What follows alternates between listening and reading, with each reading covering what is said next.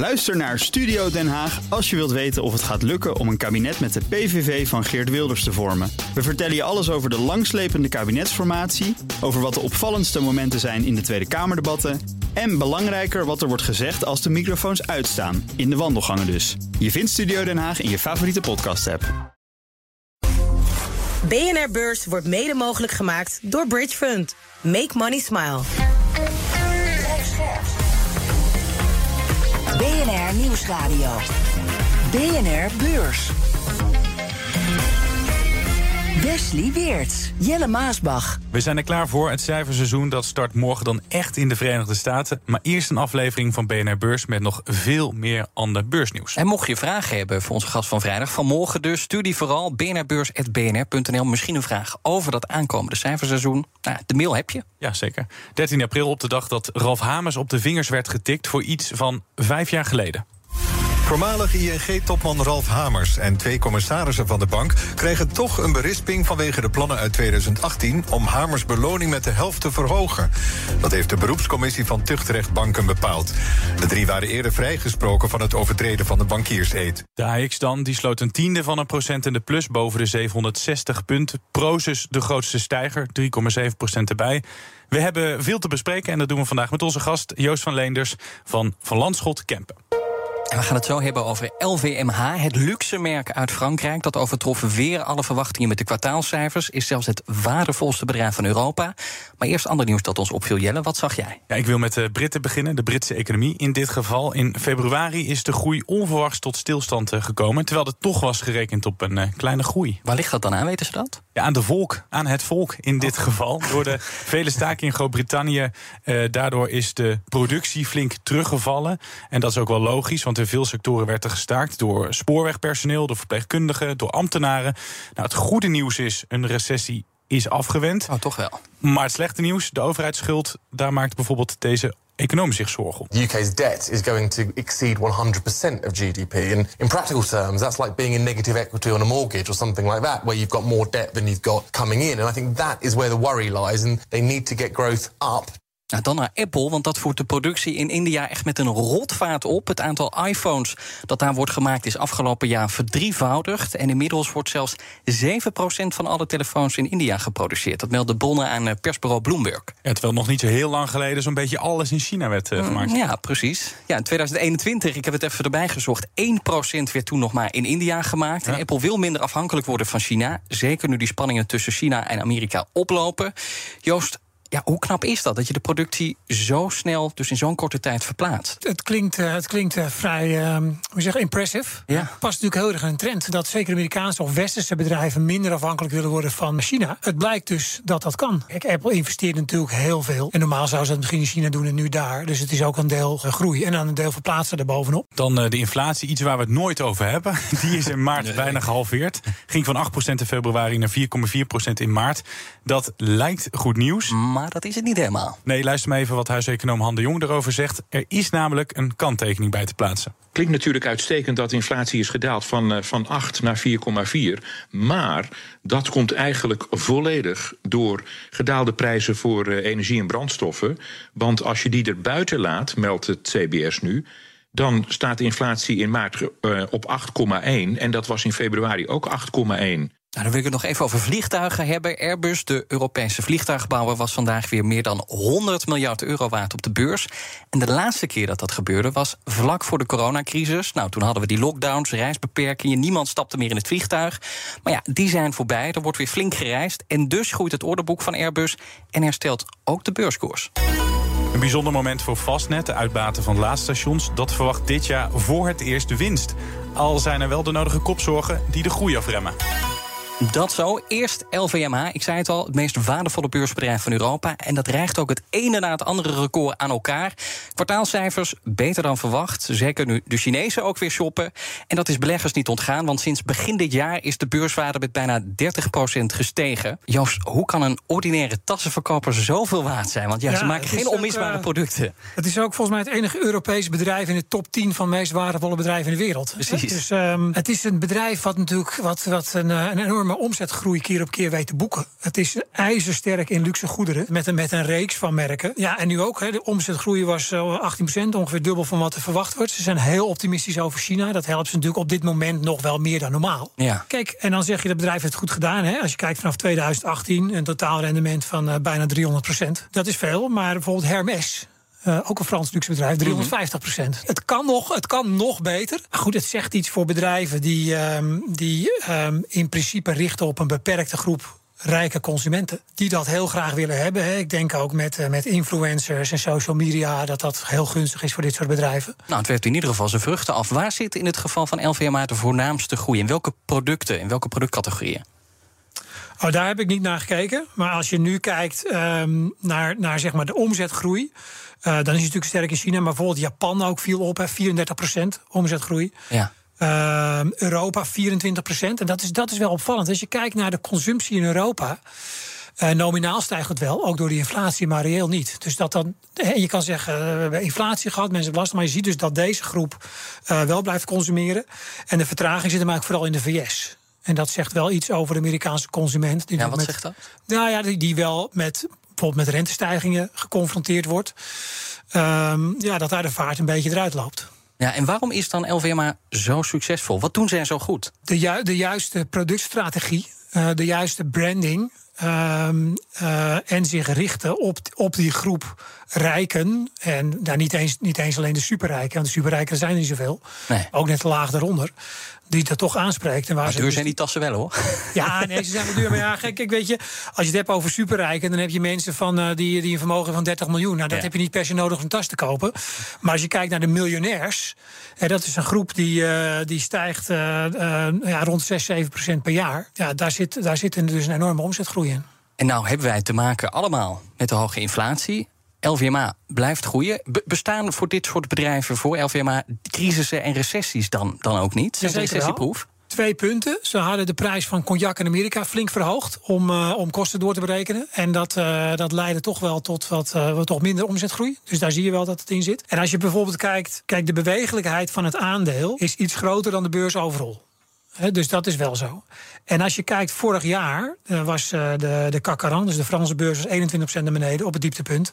En LVMH 27%. Dus het is niet een aandeel wat niet naar beneden kan. Um, alleen in goede tijden gaat het hard omhoog.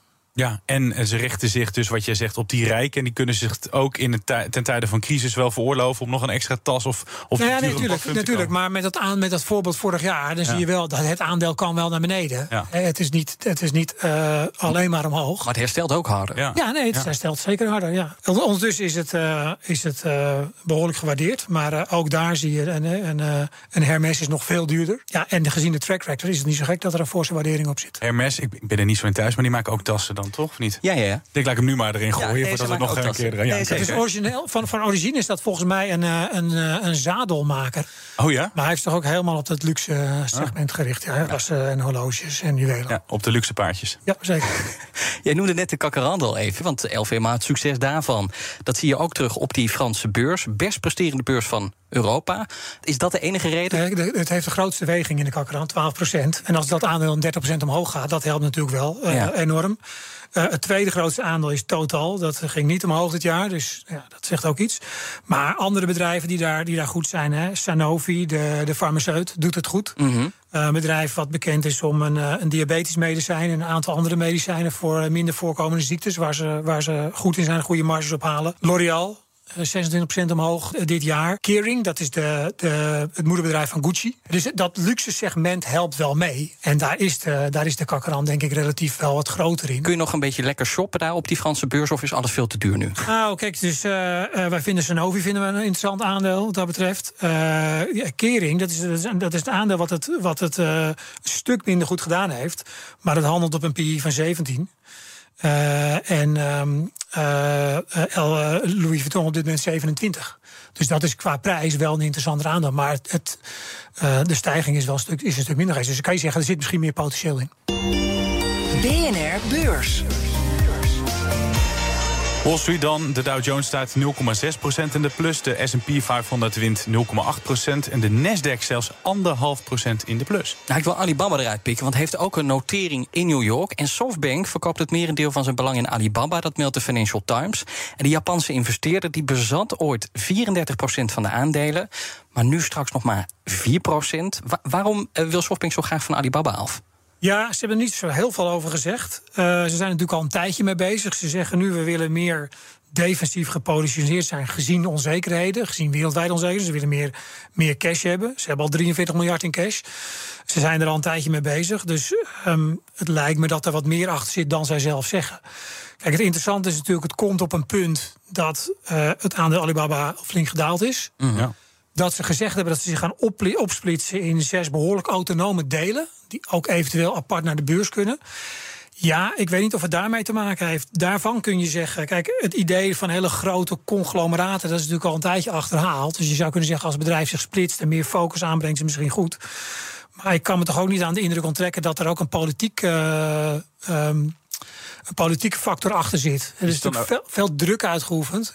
Ja, is, is het dan ook niet ongelukkig moment, wat jij terecht zegt? Ze staan op een dieptepunt, uh, ze willen zich in zessen splitsen, Alibaba, en dan loopt de softbank weg. Nou ja, of het een dieptepunt, ze weten we natuurlijk. Het kan, weten kan misschien wel lager. Ja, dan nog verder naar beneden. Als je kijkt waar, uh, volgens mij, ik las in de Financial Times dat ze de bulk van die aandelen gekocht hebben voor 20 miljoen. En ze hebben vorig jaar 29 miljard verkocht en nu 7 miljard. Dus er is nog steeds, uh, nog steeds heel veel geld op verdiend. Ja, ja, ja. Maar die, die, die politiek is denk ik wel belangrijk. Hè? Die, de, de Chinese overheid enorme druk uitgeoefend op die bedrijven. Uh, en ik zou ook denken dat ze, ze die macht willen breken. En dat opsplitsen daar ook wel misschien wat mee te maken heeft. En dat ze daar misschien eruit willen. BNR Beurs. Een van de eerste beursbedrijven van eigen bodem kwam met de kwartaalcijfers. Vastnet van de laadpalen is geen groot beursbedrijf, zegt eerlijk bij. Wel een beursbedrijf waar in de toekomst veel van wordt verwacht. Nou, kijken we even naar die cijfers. De omzet is verder gegroeid. Er zijn 240.000 klanten die er opladen. Dat is een groei, uh, jaarlijkse groei van 80 procent. En er is verlies, al zeggen ze, dit jaar gaat dat waarschijnlijk veranderen. Dan komt er winst.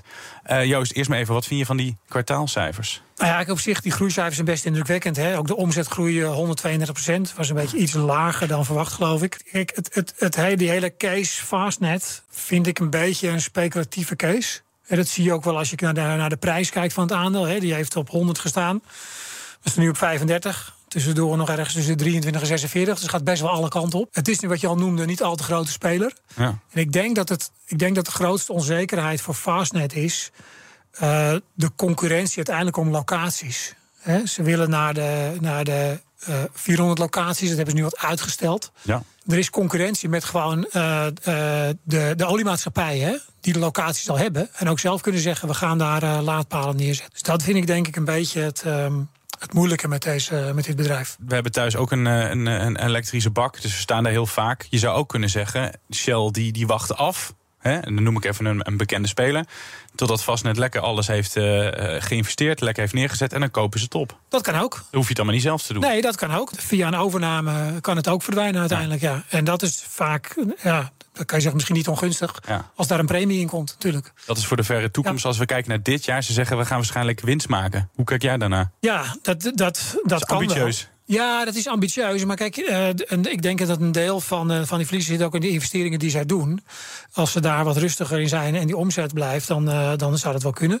Het, ehm, wat ik altijd opvallend vind, het gebruik van die laadpalen is nu 13%. Dat klinkt laag, maar ik zit ook wel denk ik heb zelf geen elektrische auto. Maar volgens mij als je een elektrische auto hebt, dan hoef je niet zo heel vaak naar zo'n laadpaal bij de snelweg. Nee. Het meeste opladen doe je gewoon of thuis of op je werk. Maar zeg jij, ja, de vraag is of ze dat gaan halen, die ambitieuze doelstellingen. En dan hebben ze vooral last van de concurrentie. En misschien niet van andere laadpaalbedrijven, maar bijvoorbeeld ja. van de ouderwetse, tussen aanhalingstekens, oliebedrijven. Ja, dat is denk ik een risico hier. Dan denk ik, het is ook geen aandeel om te hebben als ik jou zo hoor. Het is een aandeel met een wat speculatief karakter. Hè? En als je, als je ziet waar het gestaan heeft en, uh, en je rekent erop dat het die de groeidoelstellingen wel haalt of overgenomen wordt. Mm -hmm. Ja, dan kan er zomaar een mooie premie op een gegeven moment uitkomen natuurlijk. Nou, het is nu nog, want jullie hadden het net over een overname. Het is nu nog een small cap uh, aandeel. Maar heeft het ook de potentie om op eigen kracht straks mee te spelen in de eredivisie, de AEX? Nou, dat lijkt mij dus moeilijk voor dit bedrijf. Ze zitten wel op een, natuurlijk op een, op een plek waar heel veel groei te halen is de komende jaren. Want jij hebt nog geen elektrische auto, ik niet. Nou, zo zijn er heel veel mensen die straks elektrisch gaan rijden. Het is natuurlijk wel een markt waar echt groei in zit de komende tijd. Ja, met de, met de kant. Er was pas een, pas een plan in Europa dat we geloof ik om de 50, 60 kilometer laadpalen willen hebben. Ja, klopt. Nou ja, ik denk dat dat een redelijk overeenkomst met benzinepompen trouwens. Um, tuurlijk, tuurlijk, die groei is er. Maar ja, de vraag is of, of dit bedrijf dat allemaal kan realiseren. En met, het gaat met name om die locaties. Dat je op tijd locaties hebt en goede locaties hebt. Uh, um, om, die, om die expansie ook door te zetten. Dus daar moet je eigenlijk als belegger op letten. Degene die de beste locaties heeft, die heeft uiteindelijk misschien wel het beste aandeel. Maar hoe lastig is dat voorspellen? Want je kunt niet helemaal in de papieren kijken bij die bedrijven. Of, of kun je dat wel inschatten als belegger? Um, nee, dat denk ik niet. Je kunt, kijk, je kunt je vasthouden aan, het, aan de snelheid waarmee ze nieuwe locaties hebben, waarmee ze locatie uitrollen. Uh, en wat dat betreft, zo'n, zo'n, uh, ze hebben dat het aantal van 400 verschoven van eind 2024 naar eind 2025. Dat is best een, uh, een flinke verschuiving. Nog even Philips, dat heeft het aan de stok met de Italiaanse rechter. Die wil dat Philips de terugroepactie met de slaapapneuapparaten deze maand al afrondt. Over ambitieus gesproken. Over ambitieus gesproken. Per dag dat ze te laat zijn, moeten ze 20.000 euro betalen. Nou, Philips zegt dat is onmogelijk. Lijkt mij ook. Maar goed, uh, Joost, het gaat om Italië. Maar ze moeten in ik weet niet hoeveel landen moeten ze die apparaten terughalen. Wat als die rechters in die andere landen dit ja, ook gaan dit, zeggen? dit soort dingen, hè, dat is natuurlijk uh, over moeilijk, moeilijk te voorspellen. Dat is hier ook. Hoe groot is het? Hoe groot worden de schadevergoedingen? Uh, ook die hele toestand in de VS, hè, waar, waar zeggen, mensen zeggen dat ze ernstig ziek zijn geworden. Dus dat is heel. En daar hebben ze, heeft Philips gezegd, we willen dat schikken. Nou ja, prima, we hebben geen idee voor wat voor bedrag. Uh, dus op zich Philips is een bedrijf waar qua innovatie wel waarde in zit. Maar ze hebben natuurlijk problemen met een kwaliteitscontrole. Dus daar zeggen wij wel van, ja, daar moet je, moet je denk ik even van wegblijven tot er meer duidelijkheid is. Ja, precies. En die 20.000, dat klinkt veel, maar zo'n groot bedrijf zou dat ook wel moeten kunnen opvangen. Ja, 20.000 per dag. Ja. Dat is natuurlijk wel voor een bedrijf als Philips te overzien. Ja. Ik denk dat die uh, mogelijke schadeclaims in de VS een, uh, een groter probleem zijn. Ja, dan kijken we wat er morgen op de agenda staat. Voor iedereen die verslingerd is aan kwartaalcijfers, zoals wij van BNR Beurs, goed nieuws, want het gaat beginnen. Het kwartaalseizoen barst nu echt los. In Nederland komt TomTom Tom op de vrijdagochtend met de resultaten. Maar het echte uitkijken is toch wel naar de Verenigde Staten. Daar komen namelijk veel grote Amerikaanse banken met de resultaten. Het gaat om Citi, Wells Fargo en JP Morgan Chase. En beleggers kijken dan niet alleen naar de presentaties van het eerste kwartaal van die bankreuzen. Nee, er wordt ook gelet op wat JP Morgan-baas Jamie Dimon gaat zeggen. Die waarschuwde laatst namelijk dat de onrust in de bankensector nog niet voorbij is. En met die woorden praatte hij bankaandelen flink naar beneden. Ik ben benieuwd wat voor boodschap hij nu heeft. Als een stelletje nerds kijken Wes en ik uit naar het cijferseizoen. Daar hebben we het elke dag over. En elke dag vragen we ook aan degene die hier te gast is... wat verwacht je ervan? De ene was heel enthousiast, de ene die was ja? heel erg somber. Wat verwacht jij van dit cijferseizoen? Uh, ik denk in de VS wat verder winstdalingen. Uh, uh, dat wordt ook wel verwacht. Dus je zou ook met winstdalingen nog een positieve verrassing kunnen hebben. Wat natuurlijk ook wel traditie is in de VS. Ehm, in Europa Um, houden die winsten zich best goed. En hebben we eigenlijk weinig waarschuwingen gezien. Dus daar zou, het, uh, daar zou het relatief wat beter kunnen uitpakken. Ja, dus de verwachting is dat er best wel prima cijfers kunnen worden hier. In Europa? In Europa. Ja, in, ja, in de VS wel minder, denk ik. Ja. Nou, dan hebben we nu twee positieve analisten, één negatieve. Ja. We mogen nog een keer proberen. Dankjewel, dit was hem. Uh, Joost van Leders van, uh, van Landschot uh, Kempen. Wij zijn er morgen weer en dan hebben we dus een speciale aflevering. En je kan je vragen insturen. Heb je een vraag? bnrbeurs.bnr.nl Tot morgen. Tot morgen. BNR Beurs wordt mede mogelijk gemaakt door Bridge Fund. Make money smile. Ook Diana Matroos vind je in de BNR-app. Ja, inderdaad. Je kunt live naar mij luisteren tijdens de Big Five. Ook handig in de BNR-app. Breaking nieuwsmeldingen, maar ook het allerlaatste zakelijke nieuws. En je vindt in de app alle BNR-podcasts, waaronder Wetenschap Vandaag. Download nu de gratis BNR-app en blijf scherp.